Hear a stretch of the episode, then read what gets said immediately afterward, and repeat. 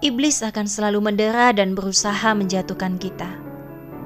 Semakin tinggi kita bangkit dan melakukan tindakan gila yang dapat mengacaukan strateginya. Semakin ia mencoba menuduh dan menakuti kita. Semakin frontal kita beriman dan percaya secara buta kepada Bapa kita.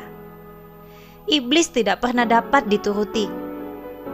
Sesaat memang kita dapat menuruti keinginan dan daging kita yang sudah dikuasainya. Bermain dalam pikiran jahat dan tenggelam dalam kesalahan demi kesalahan yang mengejar kita seperti rawa yang terus menarik kita. Tetapi kasih karunia Bapa cukup dan darahnya sudah menanggung dosa dan kutuk kita. Memang kitalah pendosa itu dan kita layak mati. Kita memang tidak layak dipakainya. Kita memalukan dan bersalah dalam pengadilan. Tapi kerinduan roh tidak dapat diingkari. Dan biarlah jeritan roh terdengar sampai ke tata sorga. Memohon dan memohon dari suara yang paling dalam yang berasal dari roh sucinya. Tak dapat berdiam diri, menjerit dan berdoa dalam kegelisahan jiwa. Allah Bapa tidak akan mengacuhkan permohonan itu. Besar kesabaran dan kesetiaannya bagi orang yang mengasihi dia. Anak-anaknya belajar dan bangkit kembali oleh kasihnya. Sebab kita sangat diingininya yang diingininya adalah kebangkitan kita dan bukan kematian kita dalam kesalahan-kesalahan. Semakin kita mengasihani diri dan terpuruk dalam kesalahan, maka kita akan jauh dari kebangkitan. Bertobatlah dan sadarilah dosamu.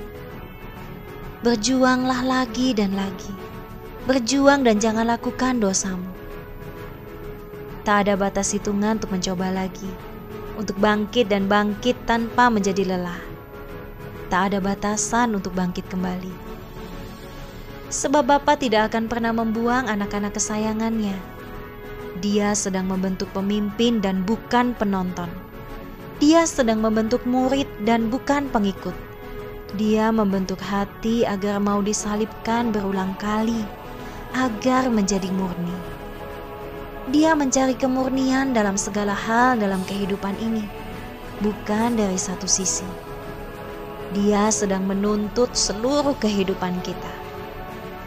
Sedang kita merasa kesal dimintanya. Dia mengasihi dan menginginkan kita, sedang kita marah jika kita diingininya. Maka ada yang salah dengan kita.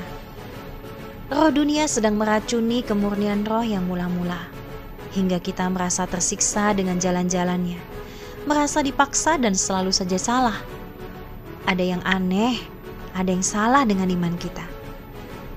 Jika kita berpikir dia mengikat kita untuk mencurangi kita, dia bukanlah manusia sehingga bisa berbohong. Dia tetap adil dan benar. Apa pun pikiran yang kita katakan untuk menuduhnya, dia tetap Tuhan dia tetap tidak tergoyahkan keputusan-keputusannya dan tidak tertandingi jalan-jalannya. Marilah percaya kepada hatinya, supaya engkau bisa berbahagia di dalam jalan-jalannya. Proses pengudusannya adalah api kemurnian yang membawa engkau semakin indah di hadapannya.